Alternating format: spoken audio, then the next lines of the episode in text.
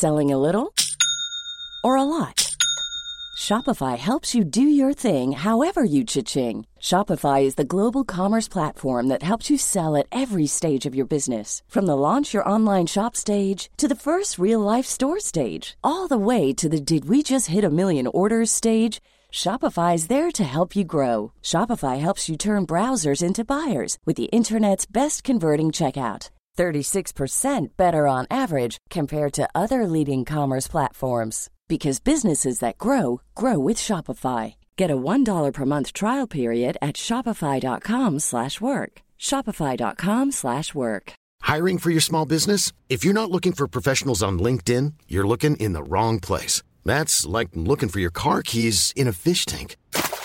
LinkedIn helps you hire professionals you can't find anywhere else, even those who aren't actively searching for a new job but might be open to the perfect role. In a given month, over 70% of LinkedIn users don't even visit other leading job sites. So start looking in the right place. With LinkedIn, you can hire professionals like a professional. Post your free job on linkedin.com slash people today. Burrow is a furniture company known for timeless design and thoughtful construction and free shipping. And that extends to their outdoor collection.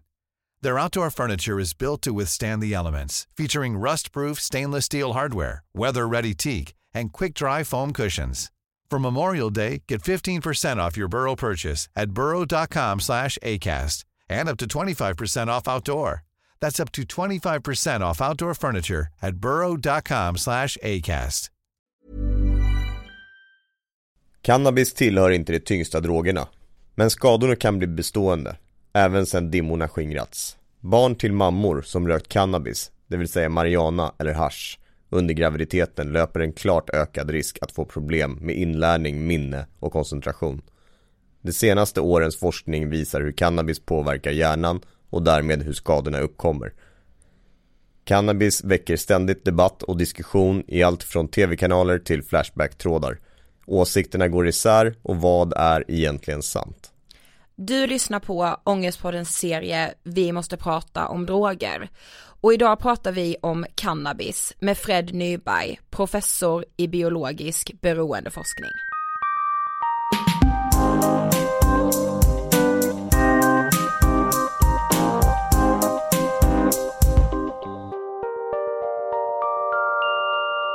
Hej på er och varmt välkomna till avsnitt 211 av Ångestpodden! Hej! Och sista delen i vår jävla Sofie, kritikerrosade serie Vi måste prata om droger. Ja. Del 6. Tre avsnitt innan jul och nu tre avsnitt efter jul. Ja, helt otroligt. Texten som ni hörde i början, den kommer från eh, Karolinska institutet.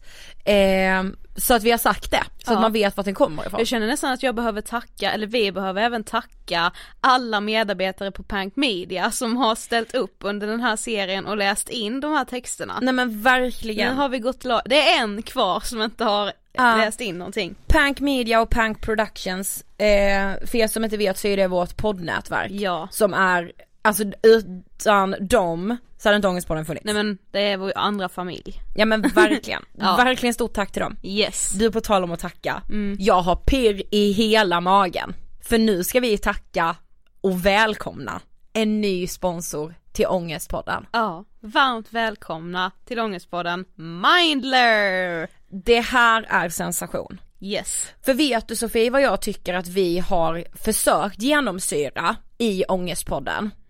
Eh, Det vet jag säkert men vad tänker du på? Att man ska be om hjälp Ja. och vikten av att göra det vid psykisk ohälsa. Men du, alla kanske liksom inte vet, vad är Mindler? Men det är ju en app som du laddar ner till din telefon där du kan ha videosamtal direkt med legitimerade psykologer. Jag älskar det. Ja men det är ju ingen hemlighet att vi gillar teknik Nej. och framtiden. Vi välkomnar ju framtiden med öppna armar för att jag tänker att så här, om fler ska våga söka hjälp så måste man också sänka trösklarna och göra det väldigt lätt att söka hjälp. Precis. Och Mindler gör precis detta. Mindler erbjuder alltså samtal med legitimerade psykologer. Och det är viktigt att påpeka att psykologerna är erfarna, alltså man måste ha jobbat ett tag som psykolog innan man börjar hos Mindler. Precis. Det finns en mängd olika spetskompetenser som jag som hade panikångest, jag kan då gå in i Mindler och så väljer jag kategorin panikångest och så kommer det psykologer som kan behandla mig för det. Mm, som liksom har anmält sig som spetskompetens på just ämnet. Precis. Det kan vara allt ifrån ADHD till posttraumatiskt stresssyndrom. Man loggar in med hjälp av eh, BankID, man måste vara 18 år för att använda Mindler än så länge. Ett besök kostar 100 kronor och det betalas direkt via appen. Och Mindler är ju anslutna till landstinget, så egentligen är det ju ingen skillnad att träffa en psykolog via Mindler eller att gå till vårdcentralen. Mindler gör ju dock grejen väldigt, väldigt mycket enklare. Ja jag skulle väl säga att den största skillnaden är att man kan prata med en psykolog men man kan fortfarande sitta hemma i sin trygghet för det är väldigt viktigt. Ja och eh, vet du en annan grej? Nej. Frikort gäller. Ja men perfekt. Jag vet, men jag tycker verkligen också att vi på något sätt ska tacka Mindler ännu en gång med ledorden att alla måste våga be om hjälp. Mm. Det gör så stor skillnad. Stort tack Mindler. Okej Sofie, Yes. i den här sista delen av drogserien Mm. så är det ju dags att prata med en forskare. Ja, Och inte vilken som helst. nej, utan nämligen Fred Nyberg. Och vi har ju valt att fokusera på cannabis Mm. eh, eftersom det ju är en drog som vi inte har pratat om ännu i serien. Exakt. Och alltså du vet såhär inställningen generellt till cannabis är så här, det är inte lika farligt som alkohol. Nej men och det är väldigt mycket så här nu har jag börjat känna, du vet hur folk eh, öppet nu går ut och berättar om, ja ah, men jag har rökt cannabis, alltså du vet så här, bara för någon vecka sedan så såg jag att den nya kulturministern var väldigt öppen med att hon hade gjort det. Och jag, alltså det är väl bra med ärlighet och så men jag, jag tror att det det lite liksom spär på den här idén om att det inte är alls skadligt. Nej man hade ju ändå reagerat mer om hon bara, eh, jag har tagit amfetamin. Eller bara jag drog rätt mycket lean och kokain för några år sedan. Alltså man skulle ju verkligen reagera på ett annat sätt då. ja, Men bara för vetskapen innan vi kickar igång avsnittet så kanske ni bara säger okej Fred Nyberg, om inte klockorna ringer så vill jag bara redogöra vem den här helt fantastiska mannen är. Fred Nyberg är professor i biologisk beroendeforskning och verksam vid Uppsala universitets forum för forskning om läkemedel och drogberoende. Där han 2011 till 2018 var koordinator. Mellan 2006 och 2011 så var han dekanus för farmaceutiska fakulteten.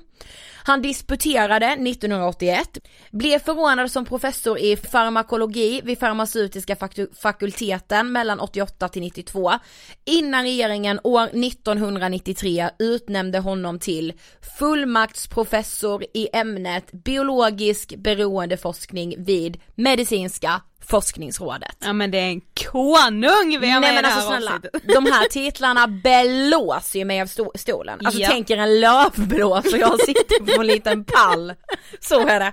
Ja, Nej men du förstår ju. Mm. Vi kan inte hålla en enda själ på sträckbänken längre. Nej. Så vi rullar intervjun med proffset Fred Nyberg om cannabis. Varsågoda! Hej Fred och hjärtligt välkommen till Ångestpodden. Tack så mycket. Det är jätteroligt att du är här. Vi tycker alltid det känns häftigt när vi liksom har folk som är supersmarta i podden och du känns supersmart. Tack. Men vem är Fred Nyberg? Fred Nyberg, han är en person som redan i sin ungdom var väldigt nyfiken och eh, på saker och ting och kände att det fanns ett eh, risktagande i, i mig. Men jag var ju in, också nyfiken på hur ser saker och ting, hur är det som, eh, eh, hur fungerar världen eh, i en helhet och så vidare.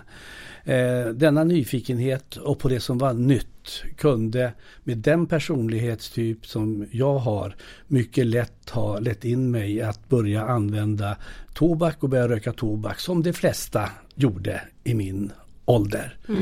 Eh, jag hade astma och kunde inte och därigenom blev jag tvungen att fokusera på andra saker. Jag är särskilt intresserad av schackspel, pluggandet och där satsade jag väldigt mycket. Och sen kom jag till den situationen då helt plötsligt så kom jag in i forskarvärlden och där fick jag utlopp och kunde kanalisera min nyfikenhet som jag hade. Mm. Och det ledde så småningom fram till att jag eh, av regeringen 1993 utnämndes till eh, en så kallad fullmaktsprofessur, det vill säga i eh, beroendeforskning med fokus på vad gör droger på hjärnan och vad kan vi göra åt det. Mm. Och denna professur har öppnat för att jag har fått kontakter åt många håll. Suttit som rådgivare, suttit med i, i forskningsråd och även arbetat mycket för, även för våra, våra regeringar mm. faktiskt. Wow. Ja. Vad tänker du på när du hör ordet ångest? Ja, ångest, det eh, vet jag ganska mycket om. Det är ju någonting som naturligtvis är kopplat till det jag håller på med min forskning. Mm. Om man är eh, drogforskare med fokus på hjärnan då undgår man inte att komma in i den psykiatriska biten. Och jag har ju gjort många eh, arbeten, varit delaktig i många forskningsstudier som handlar om psykisk ohälsa, bland annat ångest och depression. Mm. Ah. Och ångest det är ju eh, en av de svåraste saker man kan uppleva. Om jag talar om, om, jag talar om eh, somatiska sjukdomar, men det kan ju vara olika typer som vi känner till. Mm. Eh, så har vi ju mycket lättare att hantera dem. Men ångest och orsak till ångest som kan variera från individ till individ. Men det finns gemensamma faktorer mm. som kan göra den situationen väldigt jobbigt. Mm. Och det är väldigt viktigt, tycker jag, att man nu börjar uppmärksamma det här med ångest. Inte minst hos oss i Ångestpodden. Ja, Men alltså innan vi liksom sätter igång med, med intervjun så tänkte vi att när vi såg att du var professor i biologisk beroendeforskning, stämmer det? Ja det stämmer. Alltså vad gör man om man är professor i det? Om man är professor i biologisk beroendeforskning då ska man eh, studera biologin, mekanismen. Vad är det som händer när man utvecklar ett eh, beroende? Och eh, vad är det för förändringar som händer framförallt då i hjärnan. Det har ju mm. varit mitt fokus. Och sen den kunskap man kan ta, fram ur den forskningen. Den torde leda till att vi kan få fram eh, relevanta och effektiva behandlingsstrategier.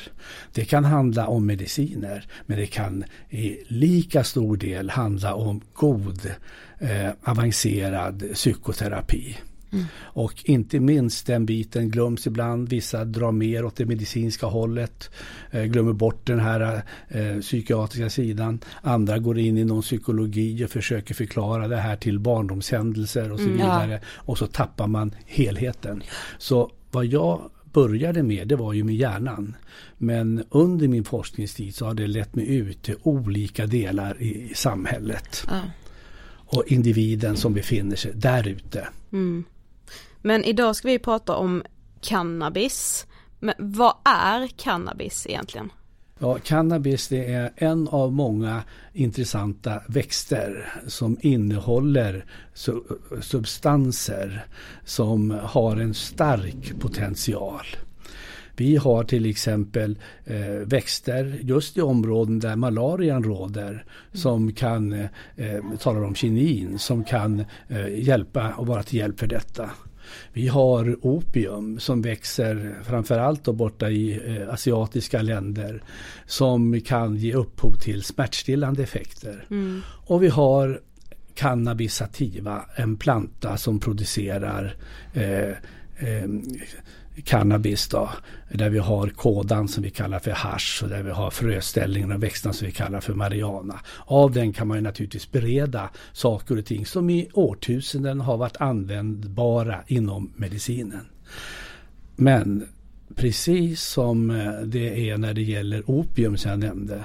Där kan man ta fram en substans som heter morfin som man kan modifiera och som slutligen kanske leder till att man har en variant som heter fentanyl som mm. vi känner till som har skördat många liv i Sverige idag.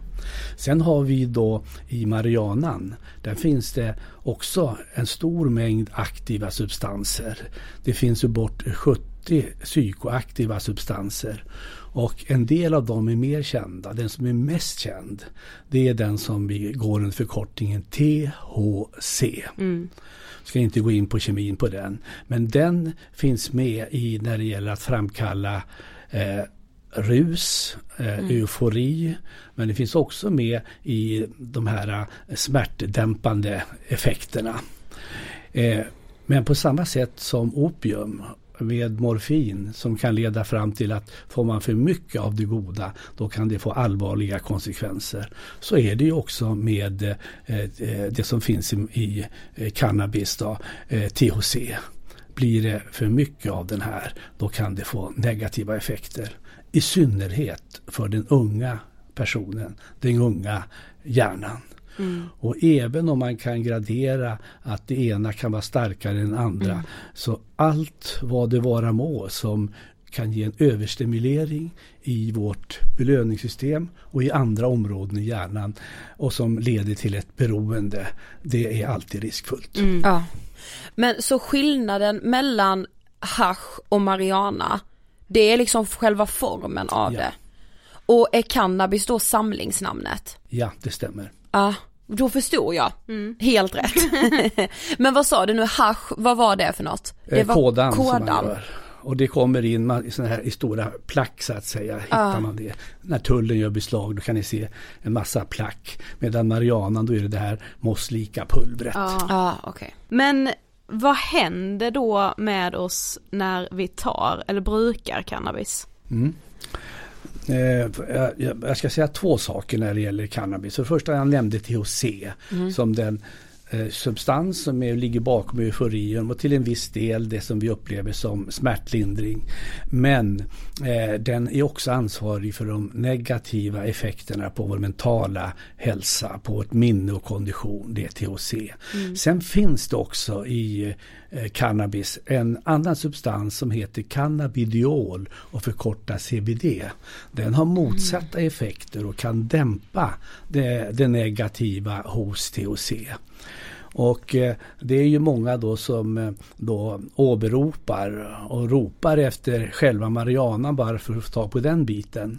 Men eh, när THC dominerar som det gör så kommer den effekten ändå att ta överhanden. Mm. Men i det fall då man renodlar den här CBD, mm. cannabidiol, då kan man få fram önskade effekter som är, inte är så beroendeframkallande som just den här THC-biten är. Mm. Men alltså debatten om cannabis känns liksom ständigt aktuell och vi tycker oss också se de här lägren som tydligt är för eller emot. Och i Sverige är det ju olagligt att bruka och inneha cannabis. Men i andra länder så är det lagligt. Eh, varför är det så? Ja, det är ju ehm, eh, det är olika sätt Eh, som man försöker lösa en eh, problematik. Eh, och det där hur framgångsrik man kan vara med detta det kan bero på så många faktorer. som gör att det är lättare i vissa länder, det är svårare i andra.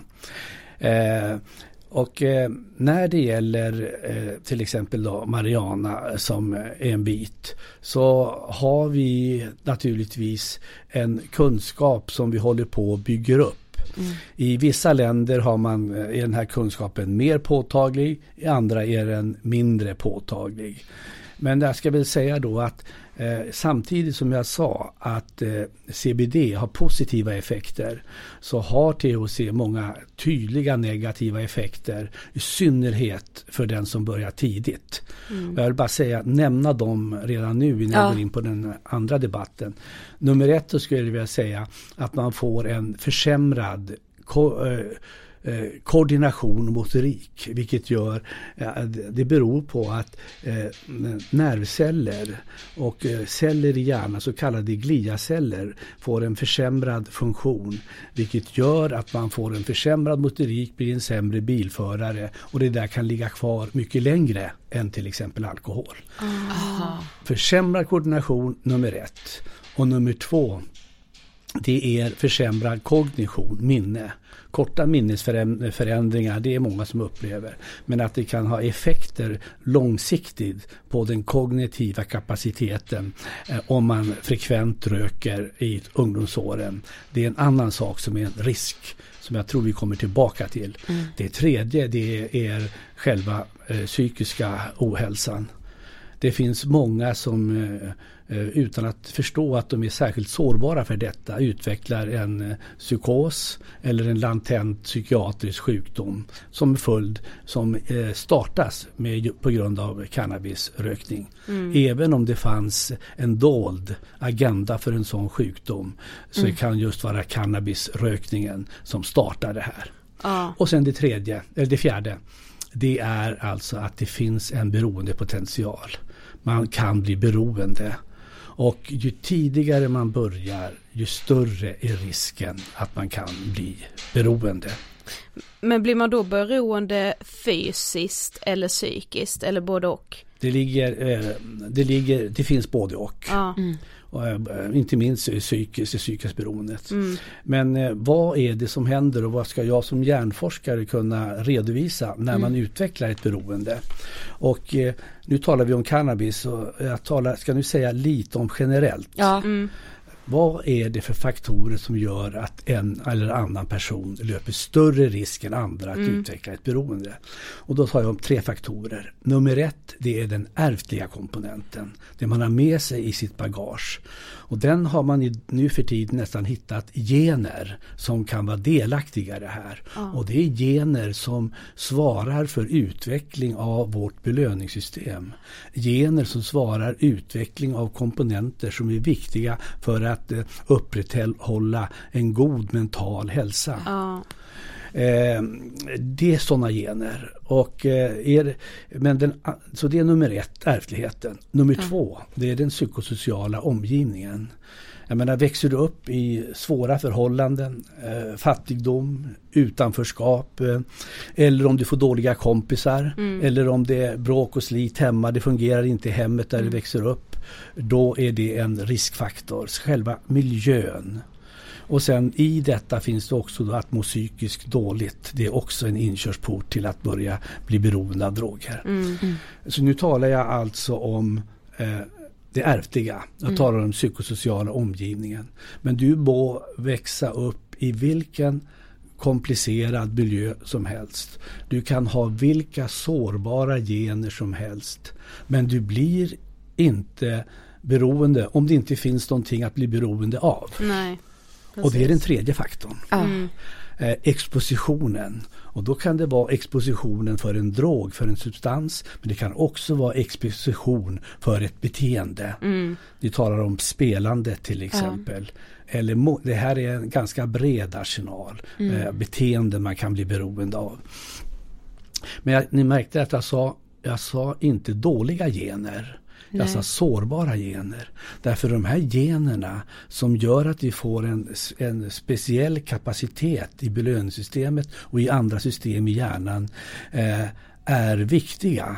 För det kan eh, göra att vi har, har, ett försteg när det gäller att utveckla en kreativitet. För mm. de här generna är oftast kopplade till ökad nyfikenhet, ökat risktagande, ökad eh, eh, kap, eh, Eh, kreativitet. Ah. Så får de här individerna som har den här nedärvda risken, får de växa upp i en stabil skyddande miljö, då kan de nå höjderna mm. när det mm. gäller en intellektuellt ut, eh, utvecklande kapacitet. Ja. Mm.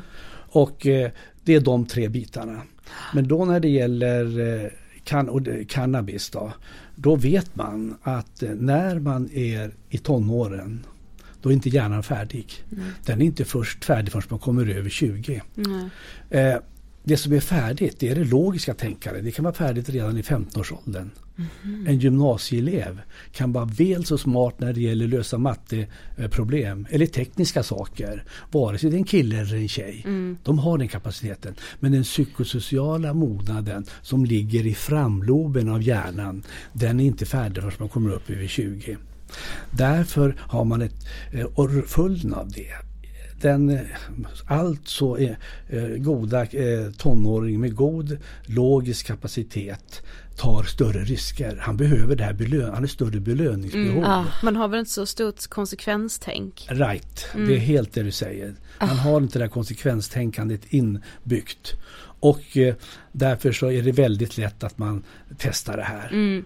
Och som de flesta testar om det här är, var ju härligt, det var ju fantastiskt. Mm, mm. Och sedan så sitter man då i en miljö där kompisar är likadant. Mm. Oj, då tycker man vilka, vilka smarta, kloka samtal vi kan föra här och man känner att man kommer in i en sfär. Mm. Och just själva den miljön kan förstärka den belöning man får av själva drogen.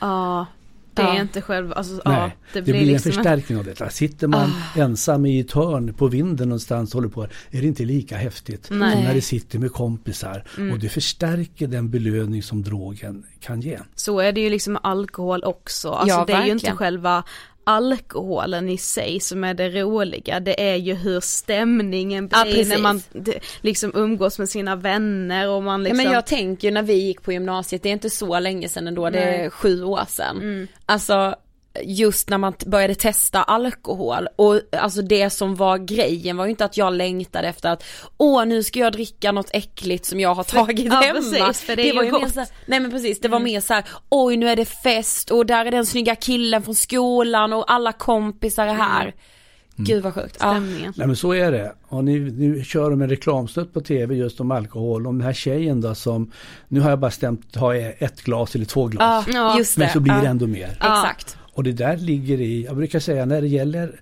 eh, nu, vi kan, du talar ju om lite vad händer i hjärnan mm. i olika områden. Mm. Men så kan man ju titta på hur ska vi kunna eh, dia, eh, plocka ner det här i punkter och diagnostisera detta. Och då har vi de här så kallade diagnostiska manualerna.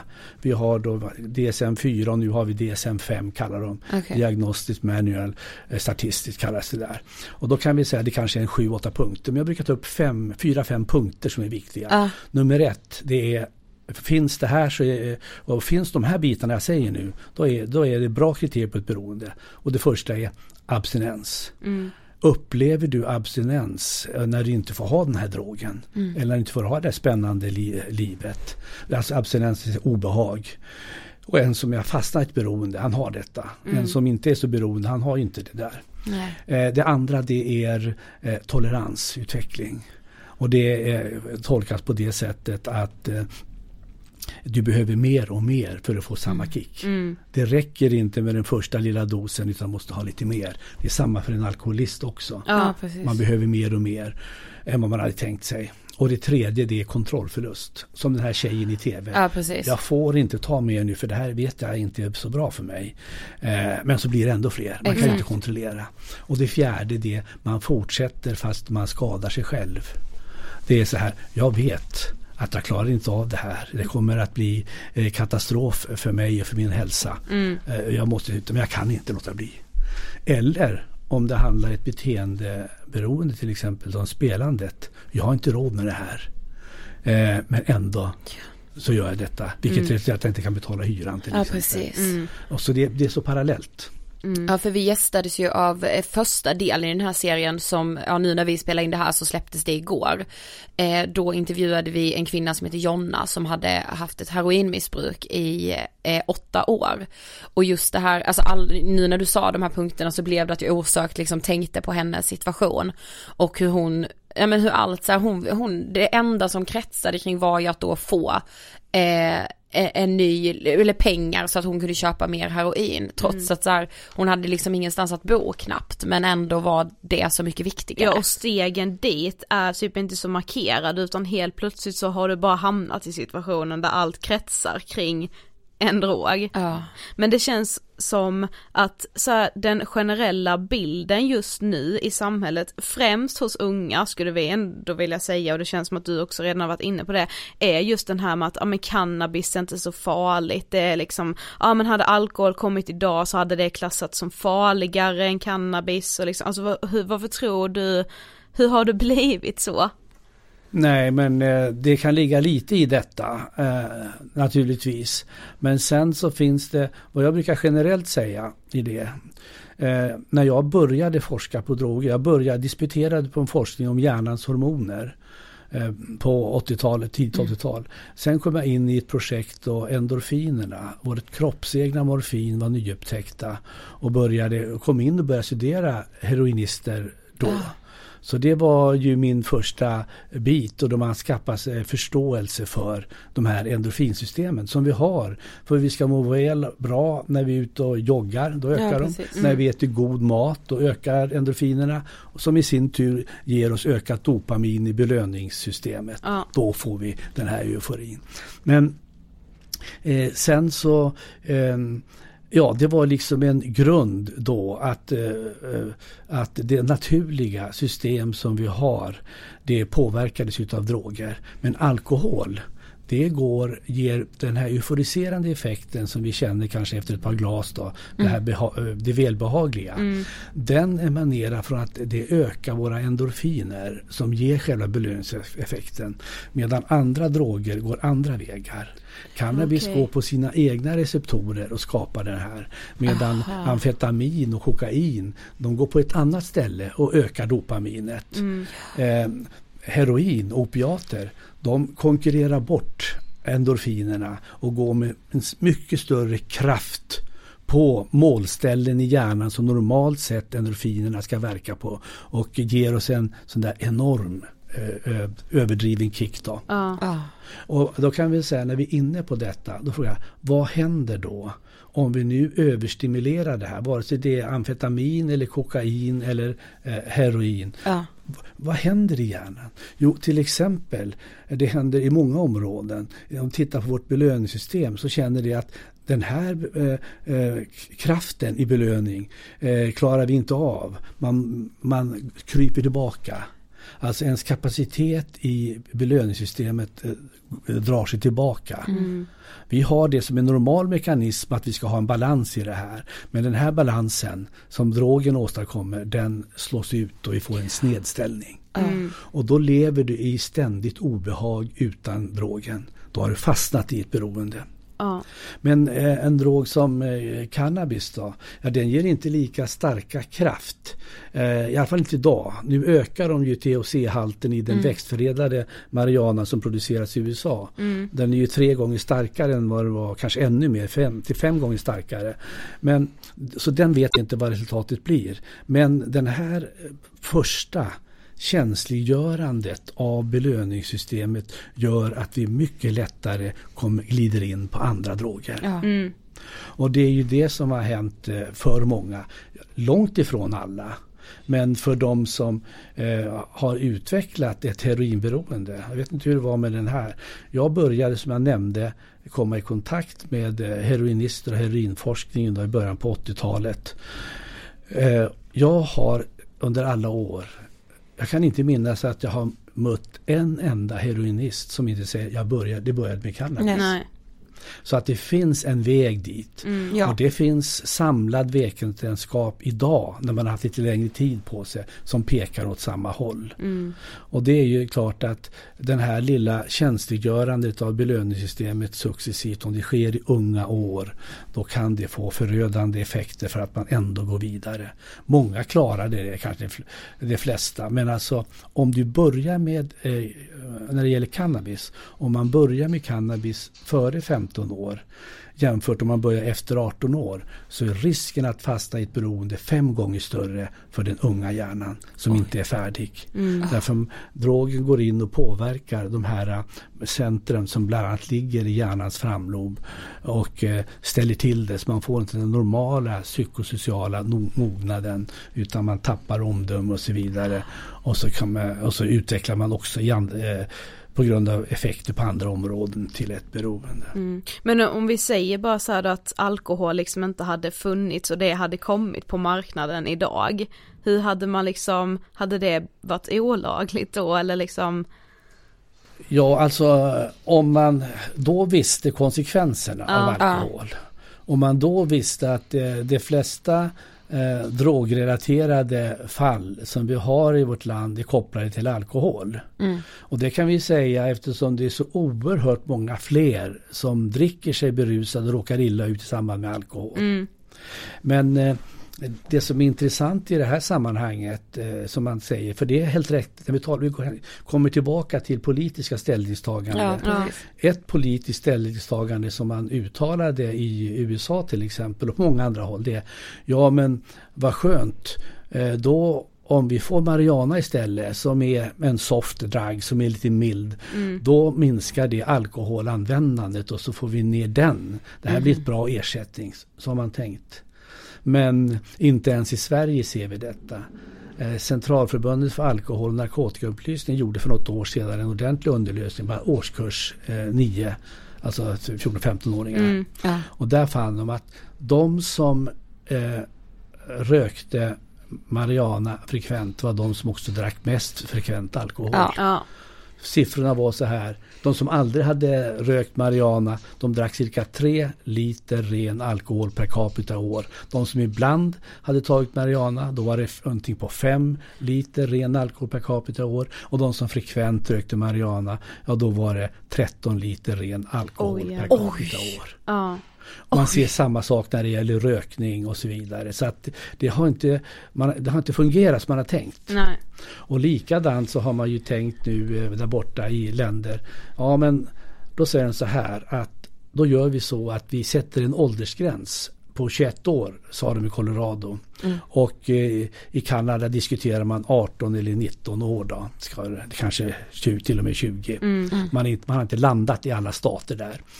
Eh, men tror ni att en eh, nyfiken 14-15-åring väntar till 21 Nej. år? Nej. När det visar sig. Den vanligaste debuten, det känner man till sedan länge, när det gäller droger, alkohol, tobak eller cannabis, det är omkring 15 år. Ja det är inte så tidigt. Nej, Nej jo man börjar tidigare. Ja. Men alltså genomsnittliga, man har en Ja. topp där. Men eh, man kan ju säga att det finns de som börjar tidigare. I eh, Colorado Mm. då har man ju sett en stor ökning från de eh, 12 till 17 år i den gruppen. Ja. Där ligger man eh, klart över det nationella genomsnittet. Så det är klart att det där har man inte lyckats och det har man hanterat. Eh, Samtidigt så en drivkraft för att legalisera det, en annan drivkraft är ekonomin, särskilt i USA. Mm, ja. De som förr tjänade pengar på tobaksindustrin, för den går tillbaka nu. Folk tycker att det är farligt och farligt. Nu vet vi, nu vet vi att rökning i tobak, eh, eh, ja, det leder ju till eh, cancer och så vidare. Och det är vi medvetna om i Sverige. Vi försöker få ner siffrorna. Vi har en game tobacco och så vidare. Allt det här. Eh, och även vår förre socialminister Gabriel Wikström var ju väldigt noga på att trycka. Vi måste minska tobaksrökningen. ja, precis. Och så har vi varit i USA. Och då tänker man, men eh, då kommer marijuanan istället där borta i USA eh, in. Och det ser ju de här industrimagnaterna, det är spännande, här kan vi göra pengar. Och man spekulerar väldigt mycket i att få in pengar. Och myndigheterna, de enskilda staterna, de ser att de får in skatteintäkter Ja. som är enorma. De får in eh, miljarder dollar i skatteintäkter. Samtidigt i Colorado så finns det uppgifter om att de måste ta miljoner dollar av dem och ge till skolorna. För där har det uppstått problem tack vare att unga kommer i kontakt och får tag på det här så lätt. Ah. Så det är någon politisk tanke att man skulle bli av med eh, ungdomsmissbruket men det har ju inte slagit rätt. Nej. Och det andra det är ju då att man ska kunna bli av med, framförallt i USA och Mexiko där, de här starka eh, gangsterkartellerna som livnär sig och eh, eh, på det här sättet. Men jag tror inte, det har jag sagt många gånger tidigare, jag tror inte att det är så lätt att omvända de som finns med i de här kriminella gängen. Inte blir de bibliotekarier, eller bokförsäljare eller söndagsskollärare Nej. för att, de, för att man förbjuder narkotika. Nej. Nej. Utan de hittar andra vägar. Ja. Och de fortsätter att köra på illegala droger. Och dessutom så finns det uppgifter att man i de här legaliserade staterna eh, där kan man till och med sälja billigare än de eh, auktoriserade butikerna därför man struntar i att betala skatt. Ja. Ja, såklart. Men alltså vi, vi tänkte på det med, alltså just som du var inne på tidigare med skadeverkningar i form av då exempelvis psykoser. Eh, kan man också se liksom, ja men att det är lättare att utveckla exempelvis schizofreni, alltså den typen av psykiatriska diagnoser om man brukar cannabis eller börjar i tidig ålder? Ja, definitivt. Ja. Det är man helt överens om att man minst fördubblar chansen. Det här gjorde vi, gjordes en studie utav eh, Peter Allebäck och eh, även eh, Sven Andreasson här. De tittade och gjorde, följde upp under sådana här så kallade militärer som de tittade på. Fick de ange om de hade, det var ett stort antal som, mm. som ställde frågan, använde de, rökte de cannabis eller ja, rökte de hasch. Sedan så gick man tillbaka långt senare i livet och då såg man ju då att eh, det var en eh, klart större risk för de som hade rökt marijuana att utveckla en schizofreni. Så det fanns sedan länge. Ja.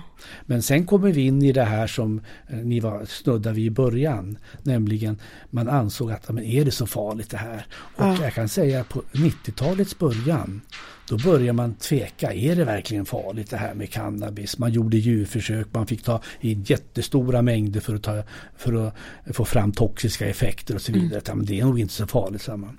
Men Eh, sen upptäckte man vid den tidpunkten också cannabisreceptorer. Att på cellerna hade vi celler som tog emot can alltså THC. Då.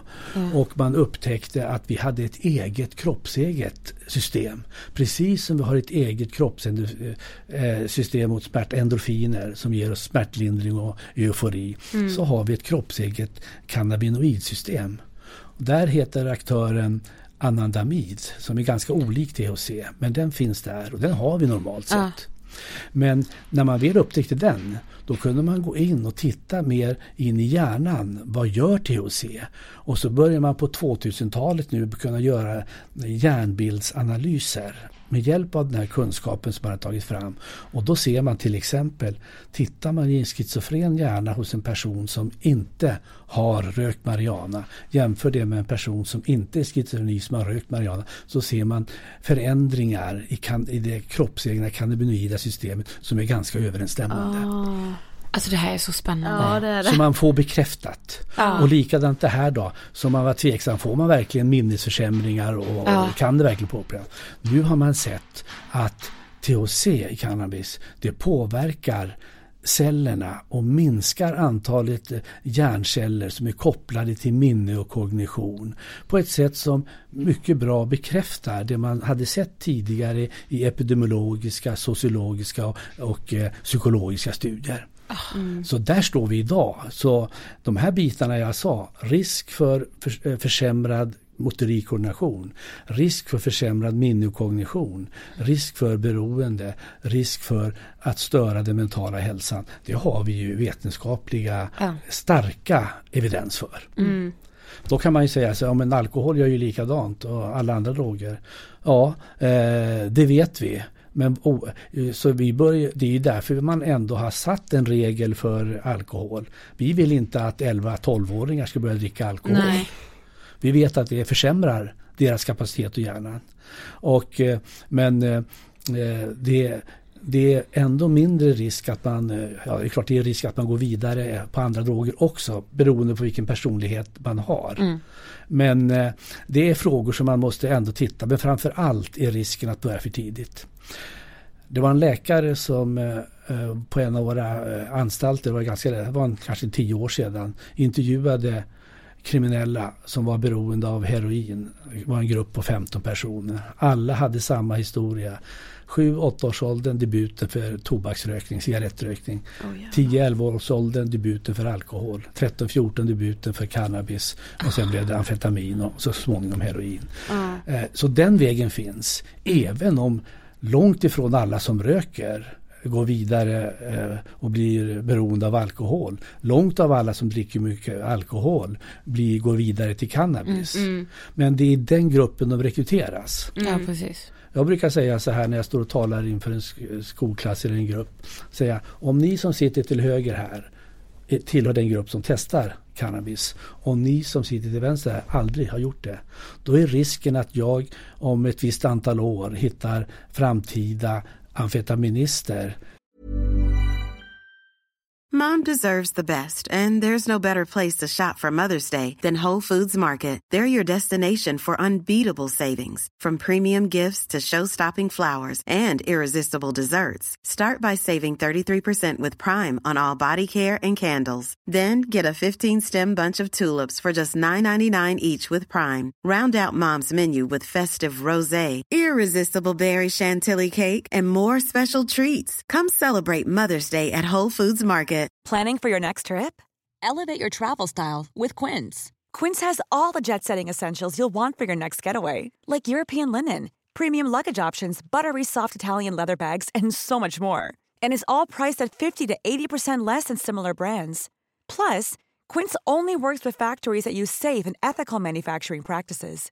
Pack your bags with high-quality essentials you'll be wearing for vacations to come with Quince. Go to quince.com/pack for free shipping and 365-day returns. Mom deserves the best, and there's no better place to shop for Mother's Day than Whole Foods Market. They're your destination for unbeatable savings, from premium gifts to show-stopping flowers and irresistible desserts. Start by saving 33% with Prime on all body care and candles. Then get a 15-stem bunch of tulips for just $9.99 each with Prime. Round out Mom's menu with festive rosé, irresistible berry chantilly cake, and more special treats. Come celebrate Mother's Day at Whole Foods Market. I fem gånger större i den där gruppen Ja. man har testat än i den där gruppen. Så, så eh, den vetenskapen har man, och den kunskapen har man.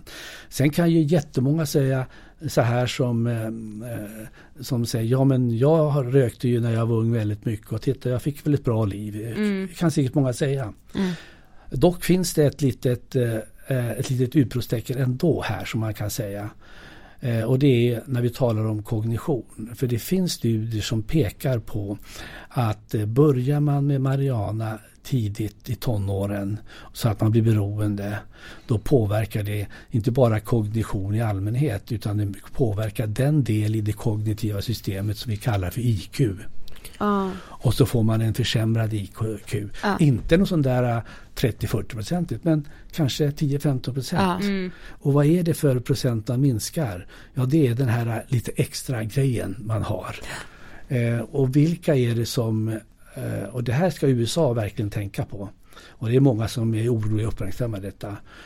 Tänk, eh, om man nu eh, vilka är det som är risk att börja med det här Mariana i tonåren, för tidigt alltså?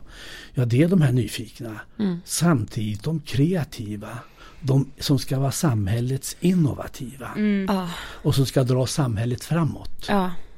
Vi vet från historien vad opium gjorde borta i Kina. Det lamslog ett helt folk. Ja. Och några, frågan ställs, vi har ju inte nått fram så vi kan säga att vi har vetenskaplig evidens för det. Men det finns många som befarar att det här blir någonting som man kan sköra därför folk kommer inte upp i den nivån. I precis. synnerhet inte den här lilla kreativa kategorin. Så då, typ Sverige, de som gör att vi får IKEA. Ja. De som gör att vi får eh, eh, ja, Hennes och Mauritz, alla Ja. de här eh, upptäckterna, innovationerna, lite extra. De som Precis. har den här lilla extra nyfikenheten, lilla extra risktagandet för att man ska få dem smart. Om vi kapar deras nivå, då blir det inte så bra. Nej, Nej. det är det här alla.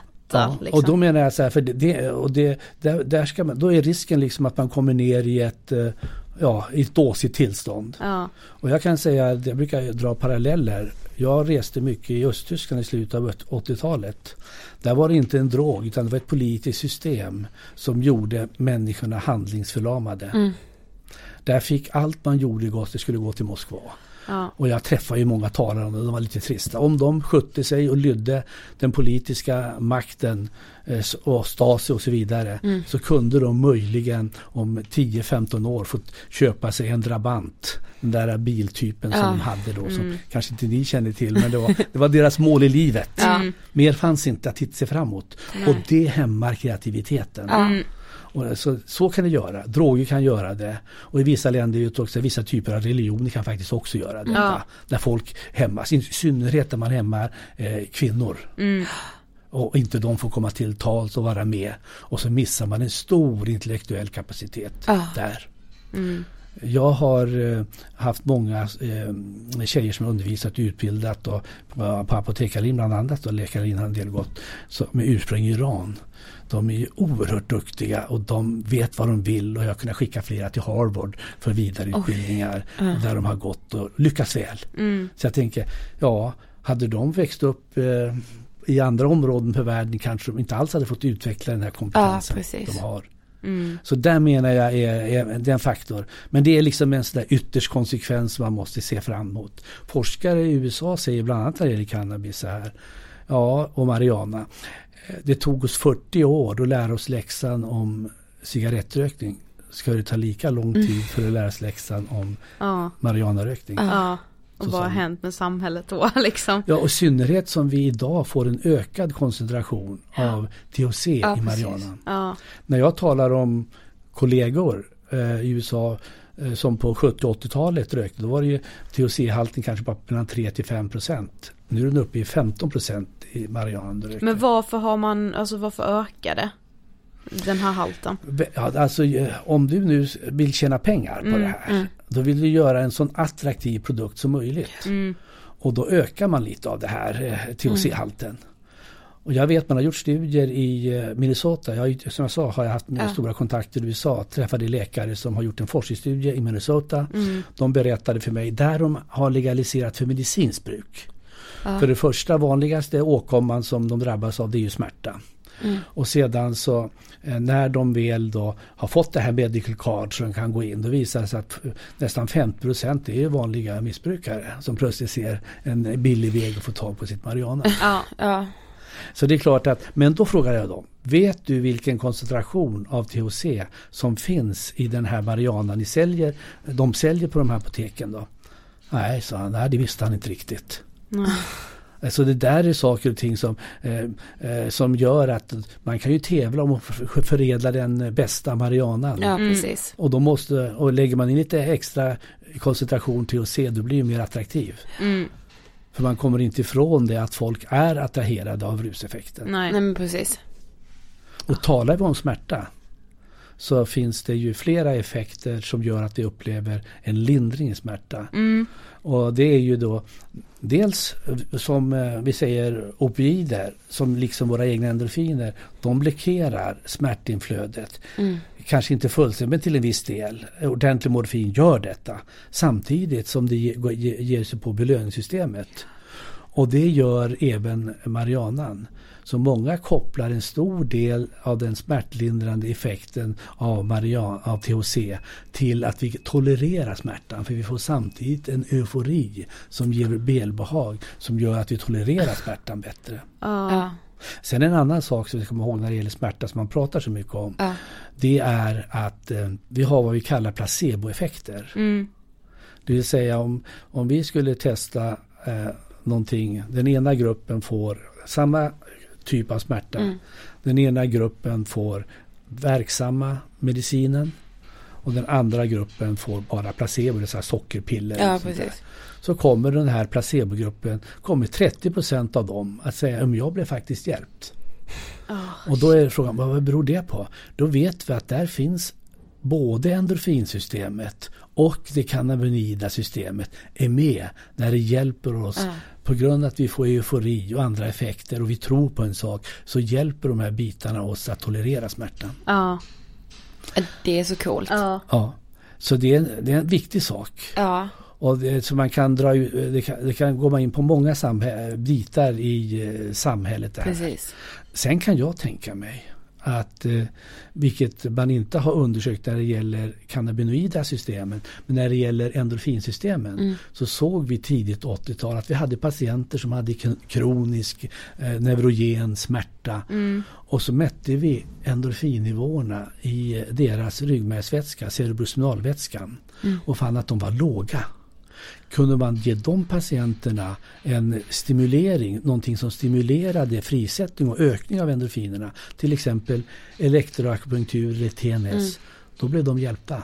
Ja. Så de hade redan fått en underfunktion i sitt system. Och då kan vi tänka oss att personer kan ju också ha en underfunktion i sitt eget cannabinoida system. Ja, Ja. Och de skulle naturligtvis eh, svara bra om de får THC-liknande komponenter. Mm. Eh, Så att, och jag kan tänka mig att ha till exempel kronisk trötthet, där har man diskuterat att det kan vara en defekt. Men det finns väldigt lite forskning på det här. Okej. Därför man har inga bra metoder att mäta de här kroppsegna anandamidet som man talar om. Och det, det, det är väl det som har gjort det. Men det kanske vi får veta Ja. i framtiden. Och i samband då eh, en fråga som eh, vi kan väl ändå ta, ta eh, medan vi ändå är inne på Ja, det. ja, ja. Och Det är så är- intressant detta. det är ju det, det här att personer som lider av ångest. För vi vet, det finns forskning som talar för att det, vårt eget cannabinoida system är en hjälp för att parera negativa effekter på vår mentala hälsa. Är det så att det kan vara en underfunktion i det? Eller är det så att när man tar utifrån THC och trycker på rubbar man och påverkar man ett system som ska balansera vårt stämningsläge i kroppen, det som är kopplat till eh, ångestupplevelser och så vidare. Ja. Det vet vi inte men vi har tillräckligt för att vi kan börja spekulera Ja. i de områdena. För vi vet att det finns, som vi var inne på i början, det finns en stark koppling mellan eh, intag utav cannabinoida substanser och eh, negativt utfall för den mentala hälsan. Mm. Jag eh, glömmer ju aldrig, jag hade ju ingen tanke på när jag var ung att jag skulle börja forska på droger. Nej. Jag, jag var intresserad av ja, forskning och jag var nyfiken. Men jag hade en ungdoms, inte så att- kamrat en kille som umgicks där eh, på somrarna där jag var. Eh, och han eh, var en sån där kille som skulle göra våghalsiga. Det stod en traktor någon gång, då skulle han hoppa upp och köra på den. Aha. Och sen kom, eh, sen kom han med i ett popband när han var kanske närmare 17, och- ja, 18-19 års åldern. Och där kom han i kontakt med hasch Och rökte och fick en psykos. En kraftig psykos som gjorde att det, det blev fortsatt eh, det blev fortsatt kontakt med den mentala kliniken resten av livet. Ja. Mm. För kanske en 5-6 år sedan råkade jag se honom på en gata. Han stod i en park och letade i en papperskorg. Jag tittade på ögonen på honom, lite så här zombie-lika. Ögonen var liksom totalt. Jag tänkte, åh, tänkte han drabbade där. Och så gick det ytterligare några, några år, år innan jag såg hans eh, dödsannons i tidningen. Mm. Och jag har kunnat sett honom i livet. Så jag har kunnat sett vad det är. Visserligen enstaka liv. Men jag tror det är många som kan redovisa för enstaka händelser. Eh, Då är det ju bättre tycker jag då att man kan få in i ungdomarna att ha marginaler i ett liv. Gå inte för nära eh, kajen till stupet. Precis. Utan se till att ni har marginal, marginaler. Och en marginal det är att eh, börja så sent som möjligt. Man säger varje år en person kan skjuta upp drogdebuten, vare sig det är alkohol eller annat, så, eh, un, så reducerar man risken att utveckla ett eh, beroende. Mm. Ja, jag tänker också på vikten av att liksom prata om psykisk ohälsa och ångest för att det känns som att många flyr till drogerna för att man inte pallar prata om det. Liksom man känner sig ensam i sina känslor och man orkar liksom inte möta den liksom smärtan som det ju faktiskt kan vara att må psykiskt dåligt. Och då dämpar man det istället för att ta tag i de riktiga problemen. För att man liksom inte riktigt vet var man ska börja någonstans. Du är helt inne på rätt spår. Helt rätt. Jag stämmer helt in vad du säger. När jag, sa att jag hade jobbat för, ja, faktiskt för fem olika regeringar som rådgivare i olika frågor. Mellan 2002 och 2007 var jag forskningsansvarig på regeringskansliet för i någonting som heter mobilisering mot narkotika. Ja. Vi fick ganska många miljoner för vi skulle ge till forskning. Så jag var med och fördelade det och kunde också lägga in och, och föreslå projekt. Ja. Då kom, var vi med och gav stöd till ett projekt på Maria Ungdom. Då man tittade på ungdomarna som kom in där. Vad hade de för bakgrund? Och då visade det sig att över hälften eh, av killarna och ännu fler av tjejerna hade innan de började med missbruk, missbruka eh, droger, så hade de innan haft någon psykiatrisk komplikation, depressioner, eller de hade varit i kontakt med kuratorer i skolan. Så stor var frekvensen. Så det är klart att det är precis som du säger. Det är väldigt lätt att försöka fly undan det obehag man har av en psykiatrisk eh, komplikation Precis. och fly in i droger. Är Ja och hela den här vanligt. fan vad tråkigt livet är Ja, liksom. Det är precis. så, ska det inte vara roligare än så här? Jo det kan det ju vara om jag tar droger. Ja.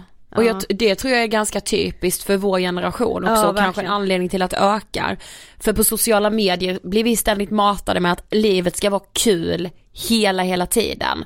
Och om man då som ung människa känner att så här, nej fast mitt liv är ju inte det, då söker man den här kicken ständigt för att man har någon slags förväntan om att livet ska vara det där euforiska hela tiden.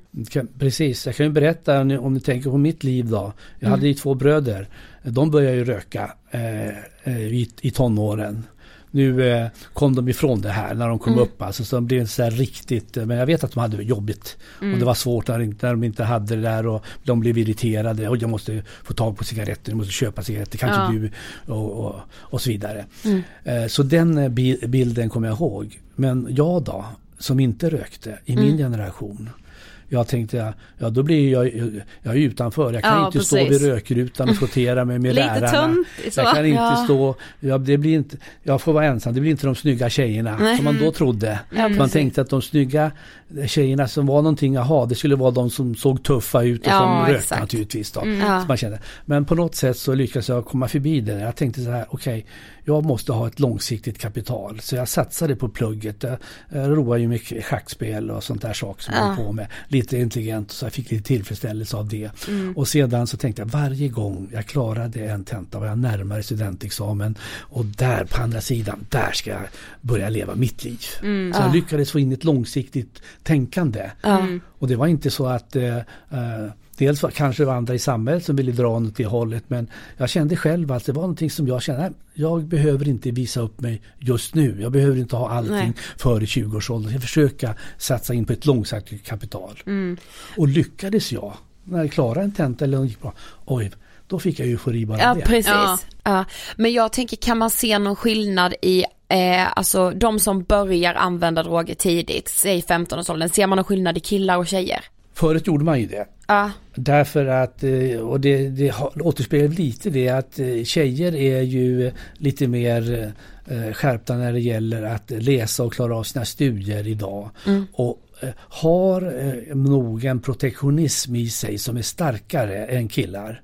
Sen det är klart, eh, ehm, jag ska inte säga, det är många tjejer ändå som eh, hamnar och det har ökat. Men man har tittat på ärftlighetsstudier och då finns det forskare som eh, får fram eh, uppgifter som talar för att eh, kvinnor har eh, gener som, är, eh, som kan vara skyddande. Medan killars, eh, samma gener från killar kan vara tvärtom. Så att det finns en viss eh, olikhet. Och det är ju inte så konstigt, menar hela biologin är upptagen. Och jag talar gärna och vågar tala om att eh, eh, kvinnan har en intuition. Hon har någonting. Jag tillbringade hela min doktorsavhandling, eh, doktorsarbete genom att forska på hypofyshormoner och såg att det var ju klara skillnader mellan män och kvinnor. Och jag forskade på hjärnan på mottagarställen utav ett hormon som finns eh, mer frekvent hos kvinnor, nämligen prolaktin. Det var min doktorsavhandling. Och såg att i hjärnan så fanns det ett större antal prolaktinreceptorer hos kvinnor än det fanns hos män. Och nu när åren går så har man kopplat prolaktineffekter mycket till olika typer av beteende som man har. Så jag tror, det är inte bara i det yttre hänseendet som vi är olika utrustade utan även i, när det gäller det här. Och det är det jag menar, man missar i så många sammanhang om kvinnorna utestängs. precis. Som de gör i vissa länder. Nu börjar vi få det. Och då är det, tror jag det är viktigt att det inte ska bli okej, jag ska vill komma och bli direktör där. Då ska jag inte behöva efterlikna den där gubben och Nej. bli som honom. Nej. Det ger ingenting. Nej. Utan man ska vara den man är, sig själv. Då tror jag verkligen vi kommer att se en förändring i många saker i vårt samhälle ju mer vi får av detta. ja. Men som sagt det råder ju väldigt delade meningar om huruvida man liksom ska legalisera cannabis eller inte. Och många drogliberala eh, personer anser ju liksom att så här, överdoser, eh, hiv-spridning och eh, drogrelaterade brott skulle minska om man legaliserade cannabis. Vad, vad tänker du kring det? Ja, eh, i Kanada just nu ser det ju inte ut så. Nej. Man har gjort studier i Colorado som trodde att brottsligheten i sin helhet skulle gå ner men brottsligheten i sin helhet har gått upp. Och det är ju så här att man blir inte av med de kriminella aktiviteterna så lätt. För de som, eh, jag kan inte säga att drogrelaterade kriminaliteten, ja det finns ju andra droger man kan ju sälja. Och sen har vi i den här biten så finns det en stark koppling till trafficking. Ja. Eh, och den eh, blir vi inte av så lätt med bara för att vi legaliserar. Utan eh, vi kan, jag menar, vi har en restriktiv och det har ju fungerat bra i Sverige. Vi har haft restriktivitet när det gäller alkoholen då, även om vi eh, tillåter detta. Vi, eh, I USA förbjöd man ju detta och det blev ju katastrof då, förbudstiden på 30, 20-30-talet har hört talas om. Men jag tror så här att det, vi ska titta, låt oss titta så här. Eh, jag skulle vilja ta upp fyra kategorier om vi nu skulle, eh, om vi skulle legalisera detta. Ja. Eh, när det gäller åldern så tror jag att ja, då skulle det ju fler yngre börja. Vi kommer inte ifrån det. Så har det varit i USA och så har det varit annat. Sedan så eh, skulle jag vilja säga så här. Nummer ett det är användaren. Om vi legaliserar detta, vad händer med honom? Ja, han kan ju eh, fortsätta ganska okontrollerat att eh, ta det här och på sikt förstöra, förstöra sig själv. Om vi talar allmänt om droger. Och talar vi då om, eh, och framförallt är det så att det inte är tillåtet, det hindrar ju många att börja. Ja, exakt. För det, det har man visat. Man gjorde en studie i USA innan legaliseringen i Colorado. Så man frågade olika delar i högskolan, eh, de som gick i sekundärskolan, alltså ålder 10 grade, 12 grade och 9 grade som heter borta. Och då frågade de så här, om det skulle legaliseras, eh, eh, då frågade man de som aldrig hade använt, inte använde, de som använde lite, de som använde mycket. Om det skulle legaliseras, hur troligt är det att du börjar? Ja, även med bland de som aldrig hade använt, ja men då kan jag nog börja. Ja. Och de som använder ibland, ja men då kommer jag använda. det finns procentsiffror på det här. Och de som använder frekvent, ja visst det var ju högt upp. Ja, precis. Men, och det visar ju sig sen också när det verkligen legaliserar sig. Att, eh, att det blev fler användare. Och det har ju blivit kostnader eh, för vård och omhändertagande utav unga som har drabbats. Antalet unga som har ökat, eller antalet unga som använder det här har ju ökat och som har kommit in på akutmottagningar. Till och med, om vi bara säger som en parentes, barn under fem år som när jag var ung var man ju livrädd att de skulle ta cigarettfimpar, vilket de gjorde. Och så fick de åka in till sjukhuset akut. Ja. Den skaran var nästan nere i noll i USA när det gäller Mariana. Men den har ökat. Så barn under fem år som kommer in på akutmottagningar för förgiftning av marijuana har avsevärt ökat. För nu är det ju legalt. Då kan det ju ligga lite här, lite där. Ja, och, daskfat och föräldrar någonstans. sitter och röker med sina barn. Det finns Ja. jag har jag också eh, exempel på. Det är individen. Mm. Eh, Så att eh, fler skulle hindra att börja. Mm. Och de som eh, börjar, okej fördelen är att han gör ing- någonting som inte är kriminellt då. Mm. Men det som inte är kriminellt det blir ju problemet blir ju det att det skadar ju ändå honom.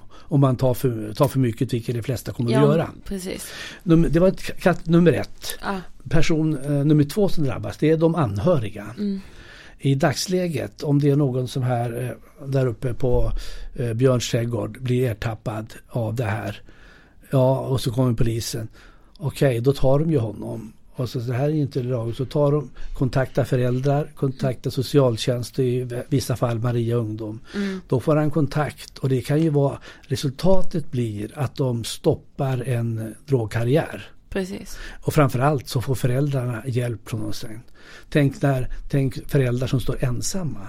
Om det här legaliseras, vem ska, eh, vem ska då ta ansvaret för om det och kunna kontrollera? Så, där får ju, så på det sättet drabbar det de anhöriga.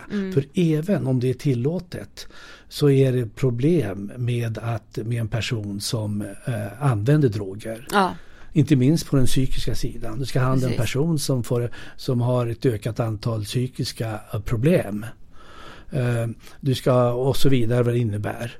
Och eh, sen är vi risken som vi sa förut då, att man riskerar att börja med andra droger. När det kommer in ja, då blir det en hopplös situation. Ja. Så jag tror inte man kan säga att eh, de anhöriga kommer att eh, lägga händerna och kors och tycka åh vad skönt. Nu gör min son eller min dotter någonting som är lagligt. Mm. Så, så den drabbas. Ja. Sen den eh, tredje som är inblandad i eh, det här då, det är ju naturligtvis då, de, eh, säljaren. Han eh, kommer ju att kunna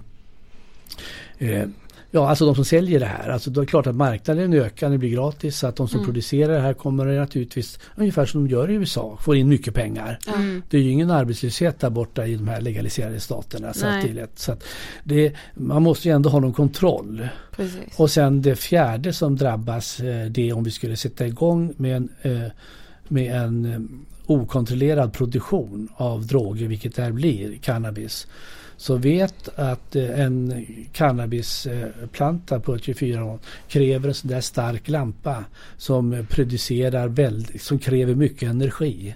Ja. Man har, eh, det är en sak och sen en annan sak som när det gäller till miljön och omgivningen. Vad man har gjort i, USA, man har gjort en studie. För att där i USA, som jag sa förr, de som förr tjänade pengar på tobak, de måste ju det här lämnar vi. Här ja. är det neråt. Nu går vi in i marijuanabranschen. Nu har vi eh, Säg att det är 30 stater i USA som har legaliserat det för medicinskt bruk bara. Då kräver ju det att, det de, att man producerar det här. I varje stat finns det minst tusen apotek. Jag har kollat upp det här hur det ser ut i USA. Och, eh, var, och var och en av de, alla de här apoteken ska ha sin marijuana. Eh, bara den biten. Och, och sen om vi tar de här legala staterna gör att det kräver en stor produktion.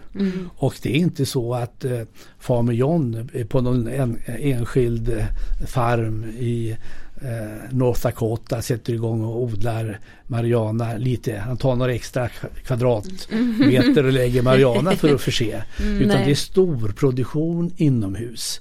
Här- det är här man har räknat. Och där en, det ska alltså snabbt få fram så mycket som möjligt. Det krävs, eh, det krävs dieselmotorer, avfuktare, luftaffektare, massa instrument som drar energi. Och sen finns det naturligtvis sen också då att släppa ut i luften. Ja.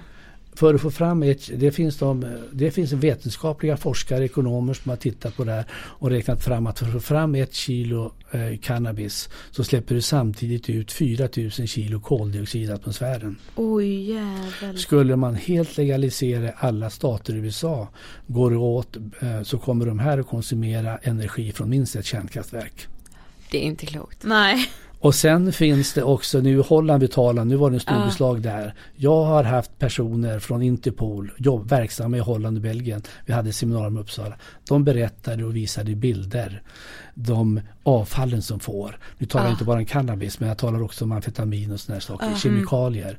Så för att få fram ett kilo amfetamin så producerar det 20 kilo eh, avfall av sådana här lösningsmedel. Ja. Och de som de ställer ut i naturen. Man kan se eh, bäckar och färgade med brunt av det här. Och vet för att kunna dölja det här så har man sådana här vannbilar. Man sätter in det i stora dunkar och sen så i botten där så har man ett utsläpp på de där vannen. Och där eh, så kör man ut regniga dagar när det regnar. Så kör man och sprider ut det i alltihopa. Asså. Det är vad polisen där nere har att hantera.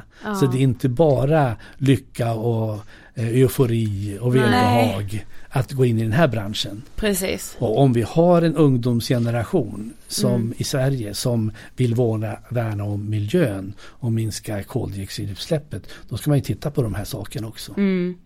För det, det är i alla fall vad man talar om i USA. Och oavsett, det kan vi säga dessutom om vi tittar på kokain. Ja. Det hörde jag också de som har räknat ut då. Att, eh, så det finns uppgifter på det. Att för att få fram en lina kokain till Stureplan här nu då. Så skövlar man samtidigt en kvadratmeter regnskog i Sydamerika. Alltså, Det finns uppgifter på detta. Ja. Men det finns ingen som lyssnar. Jag Nej. har varit och talat med politiker om det här. Ja, men det här borde ju ni som eh, ett parti i mitten som värnar om eh, Miljön. Det här borde ni ta upp. Ja, ja, men ja, de var inte intresserade då. Nu hör ni det som lyssnar. Ja precis. Ja det kan jag säga och det vågar jag säga för jag tycker att det här är så Det behövs att vi lyfter alla aspekter. Ja. Sen, Ja.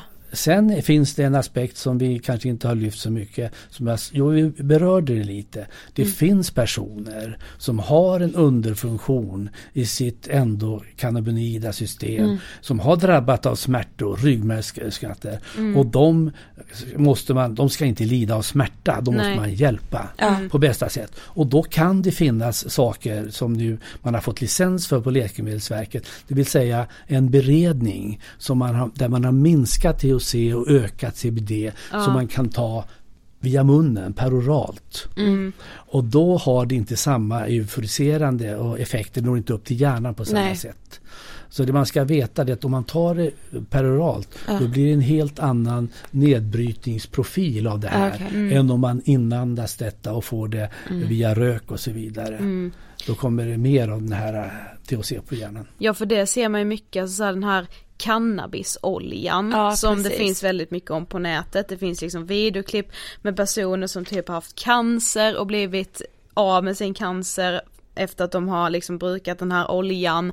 Eh, men det är ju viktigt att förstå skillnaden på det och att sitta och röka en holk. Ja. Absolut.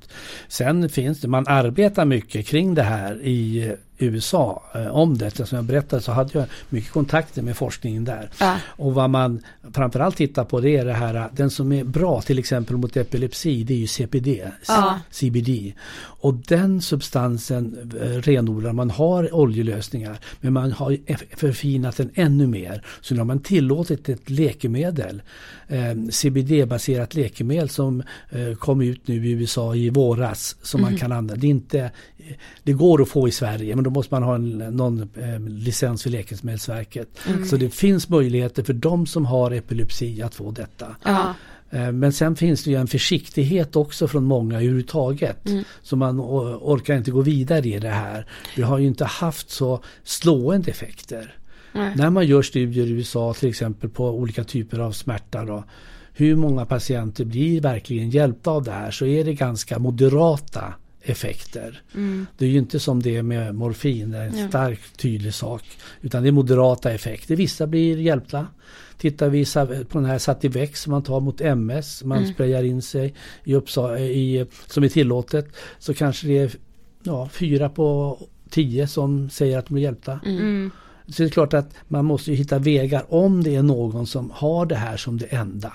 Då ska man naturligtvis göra vad man kan för att den personen den särskilda personen ska få den hjälp den behöver. Ja. Men samtidigt så måste man ju inte legalisera eh, alla droger. Nej, precis. Vi, alltså att när vi går till eh, tandläkaren och får till exempel Citodon med kodin eller Ja. när vi får något smärtstillande som morfin, liknande substanser så är vi ju tacksamma för den. Särskilt postoperativt om vi har smärta.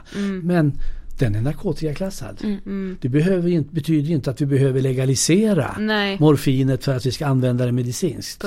Och det är likadant när det cannabis. Vi behöver inte legalisera cannabis för att vi ska använda vissa komponenter i medicinskt syfte. Nej, precis. För det är väl det lite, alltså så här, om man läser typ på forum och så här att ja men anledningen till att ingen vill legalisera det det är för att cannabis skulle slå ut hela läkemedelsbranschen och hela världen är korrupt typ. Ja, lite det, den. det är liksom där det slutar sen till slut Ja. på så här, ja visst Ja. forumen, flashback Ja, typ. jo, men Jo, jag vet, jag vet, jag vet hur många, de kan ju, de kan ju skriva lågor eh, tokigheter där också. Det är Ja. någon som har skrivit då att, som har skrivit om mig, att jag har finansiellt intresse i att hålla eh, marijuanan illeg- illegal. Precis, ja. För de tror att jag då håller på att tjäna pengar på något annat. Det gör jag inte, jag har Nej. inget sånt.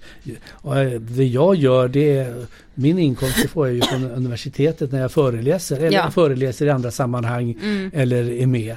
Eh, så jag har aldrig haft någonting, så det är inte någon drivkraft för mig. nej. Alltså jag, jag blir inte lyckligare om jag får mer pengar. Nej. Däremot om jag får göra spännande, trevliga saker i livet, resor och möta trevliga folk. Och jag tror att det är här man har missat eh, mycket när det gäller ungdomar. Att de ska få vara med i bra samtal med över generationer. Ja, Precis. gud ja. Eh, jag menar eh, så här, jag har ju under alla år haft unga studenter och fortfarande. Och jag tycker, och även många äldre jag känner, jag tycker att det är väldigt trevligt att sitta i en bra miljö Ja. och kunna föra goda samtal. Mm. Det tror jag ger en nivå. Och vi kan hitta samtal och prata om som står klart över den nivå vi kan komma upp till om vi samtidigt tar droger. Ja, precis. Precis. Verkligen. Alltså vi ska faktiskt börja avrunda men jag tänker är det någonting som du känner att så här, det här vill jag också få med? Som vi inte har varit och berört nu. Jag kan väl beröra, eftersom du tog upp det, eftersom det är viktiga Mm. argument så talar man om att vissa länder har legaliserat och det har gått bra. Det har inte gått bra i alla länder som har legaliserat. Portugal talar man som ett praktexempel. Det hittade vi jättemycket artiklar om Ja, att det stod att det Men var eh, liksom. där har Mm. de kommittéer som kontrollerar de här. Eh, Så att eh, indirekt så blir det ju eh, så kommer man ifrån just det här straffet. Men, eh, men eh, man, det är ändå en aktiv verksamhet när det gäller att bemöta de här. Och det Mm. finns många som diskuterar att när det gäller hur är det verklighet, vad är verkligheten där? Jag kan inte gå in på detta men, men så pass mycket därför att det är så mycket utsagor kring det. Men däremot så kan man ju säga att i Holland, där har man på ett ställe, det kom en vetenskaplig rapport som är publicerad. Eh, Det behövs naturligtvis fler, men jag kan bara nämna att den Ja. talade om att på ett ställe, där har man ehm, eh, de har ju coffeeshops, där har man stängt alla dem. I det området så presterade skolungdomarna eh, mycket bättre än eh, innan de hade, när det fortfarande var legalt. Ja. I Australien och Nya Zeeland ser man studier att eh, frekvent rökande av, mari- av marijuana eller cannabis det, eh, det försämrar fullbordandet av gymnasiet. Det är allt fler som inte fullbordar sina gymnasiestudier. Sen finns det de som säger så här att ja men eh, som du sa nyss någon forskare eh, som hade kommit på att om man eh, kommer i kontakt med droger eh, tidigt då eh, kom, håller man inte på med kriminalitet när man är uppe i gymnasieåldern. Och vad man inte tog med där det är för att redan då man börjar med droger vare sig man är 7-8 år eller om man är 10-11 år så gör man ju kriminellt. Ja. Då är man ju inne i det kriminella redan. Och sen det andra, de flesta av dem det gäller, de eh, har för många IG för att komma in i årskurs 2 på gymnasiet. Ja. Så jag tycker att det kommer enstaka forskningsrapporter och därför så använder jag ofta, vi måste ha den samlade forskningen. ja, precis. Och mitt summarium som jag skulle vilja säga det här att det finns forskare som har, som har lämnat det här till WHO och till det federala i USA. Det federala i USA säger nej till legalisering av marijuana. Men de enskilda staterna bestämmer. Men den här studierna som har gjorts då, där har man gått genom den vetenskapliga litteraturen från 1993 till 2013, 20 år och samlat den. Och då är det fyra punkter som eh, står kvar. Och det är att det är risk för att man får en försämrad motorik och koordination. Vilket i USA har bekräftats ökat antal trafikolyckor med dödsfall där marijuana har varit den enda eh, substansen i. Ja. Det är, och sen det var den med koordination. Och sen nummer två då, det är ju då kognition, försämrad minne. Och då talar jag om det här eh, förs- eh, försämrad eh, prestanda i skolan. Och sen det tredje som också är, känns bekräftat, det är risken att man tidigare utvecklar en latent psykiatrisk komplikation. Eller är så pass sårbar av andra skäl som man får en psykisk kollaps utav det här och mår psykiskt dåligt. Ja. Och det fjärde det är ju beroendebiten. De bitarna står kvar. Och han tog också med, de som samlade det här, risken att börjar man med det här då är det väldigt lätt att man går vidare på andra droger. Det är en eh, god summering. Så de riskerna finns. Ja. Sen gäller det naturligtvis att man måste hitta kloka alternativ för ungdomarna. Och då är vi inne i den här sfären som jag eh, pratade med, med er om. Jag tar, nämnde det goda samtalet. Ja, Att precis. det finns så mycket kvalitet i livet. Vi kan tala om eh, spännande böcker. Vi kan tala om spännande eh, miljöer eh, runt jordklotet. Spännande människor. Ja. Spännande händelser vi, som vi har. Men jag skulle vilja sluta med det här, precis som jag slutade den här eh, debattartikeln i eh, SVT som jag skrev för någon månad sedan. Och det handlar inte om att, eh, att eh, föra krig mot narkotikan utan det handlar om att försvara hjärnan.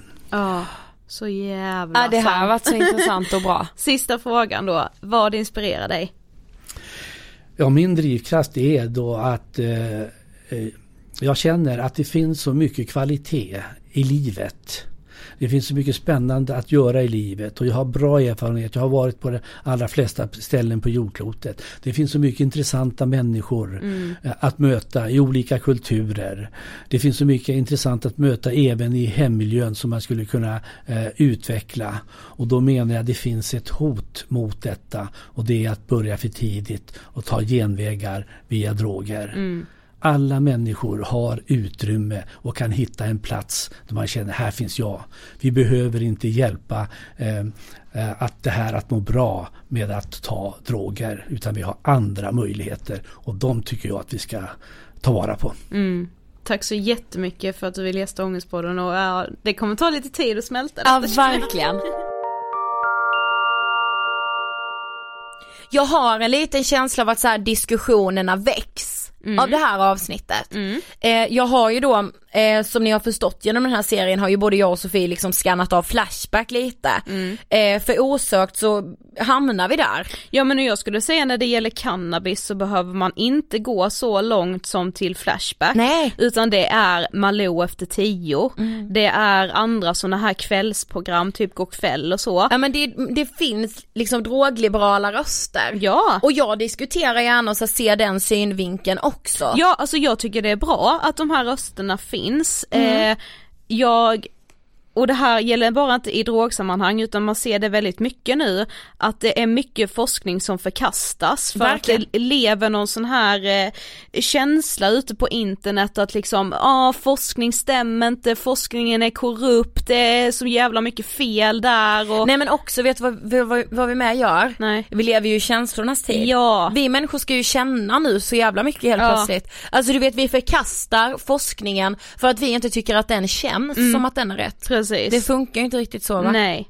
Man måste liksom våga se forskningen i vitögat. Nej men min psykolog måste liksom stå och skrika nu att så här, känslorna är inte sanna hörni. Mm, precis. Så vi kanske liksom ska ta det med oss. Ja. Eh, och sen så vill jag Sofie eh, tacka från djupet av mitt hjärta för att vi fick den stora äran att intervjua Fred Nyberg. Ja men det var otroligt. Vi Ja. Pratade ju en lång tid efter Ja, ja, ja, jag ja, kände ja. det, jag kan umgås med dig flera veckor Vi blev såna jävla vänner. Ja, verkligen. Alltså min forskarvän Fred. Mm. Så känner jag. ja, verkligen. Och jag är väldigt glad att han gick ut med flaggan högt i serien om droger. Yes. Innan vi säger hej då så vill vi verkligen tacka varenda en av er som har lyssnat på vår serie om droger. Ni har blivit liksom många nya lyssnare till podden och vi hoppas att ni vill stanna eh, framåt. Mm. Eh, och det, vi kommer prata mer om droger i Ångestpodden längre fram. Ja, såklart vi kommer och det har ju, många gånger har ju missbruk en väldigt stark koppling till psykisk ohälsa. Precis. Och vi kommer prata väldigt mycket mer om vården framöver, liksom missbruksvården, eh, vården kring psykisk ohälsa eh, och hur den sköts idag. Så att det blir ju per automatik att det blir mer om droger framöver också. Precis. Eh, men som sagt serien ligger ju kvar som en liten godbit ja men verkligen. på. Nej, men sen som som man kan tipsa om. Ja, som en viktig grej att faktiskt lyssna på och ta till sig Ja. mellan allt glättigt som existerar i mediasfären ändå. Ja, vill man prata vidare så finns vår Facebookgrupp Ångestpodden, vi pratar vidare, det är en sluten grupp så det är bara eh, godkända medlemmar som får vara med där. Och följ oss gärna på Instagram för där heter vi Angestpodden. Eller jag bara för det, bara därför ska ni följa oss. Nej, men för att vi har kul där. Ja, det är trevligt. Eh, nu hörs vi såklart som vanligt nästa vecka. Med en grym gäst. Ha det bäst tills dess. Hej då! Hej då!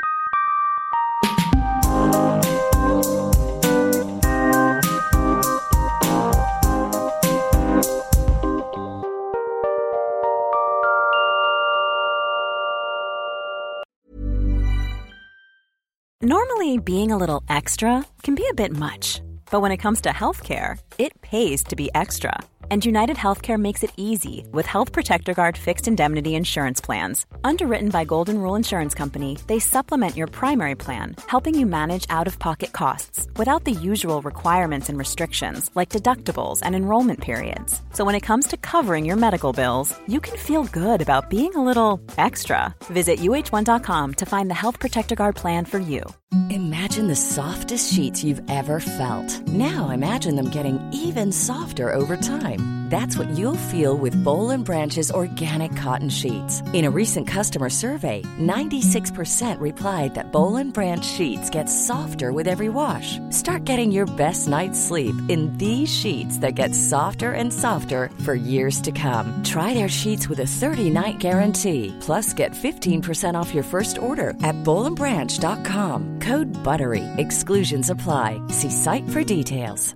Imagine the softest sheets you've ever felt. Now imagine them getting even softer over time. That's what you'll feel with Bowl and Branch's organic cotton sheets. In a recent customer survey, 96% replied that Bowl and Branch sheets get softer with every wash. Start getting your best night's sleep in these sheets that get softer and softer for years to come. Try their sheets with a 30-night guarantee. Plus, get 15% off your first order at bowlandbranch.com. Code BUTTERY. Exclusions apply. See site for details.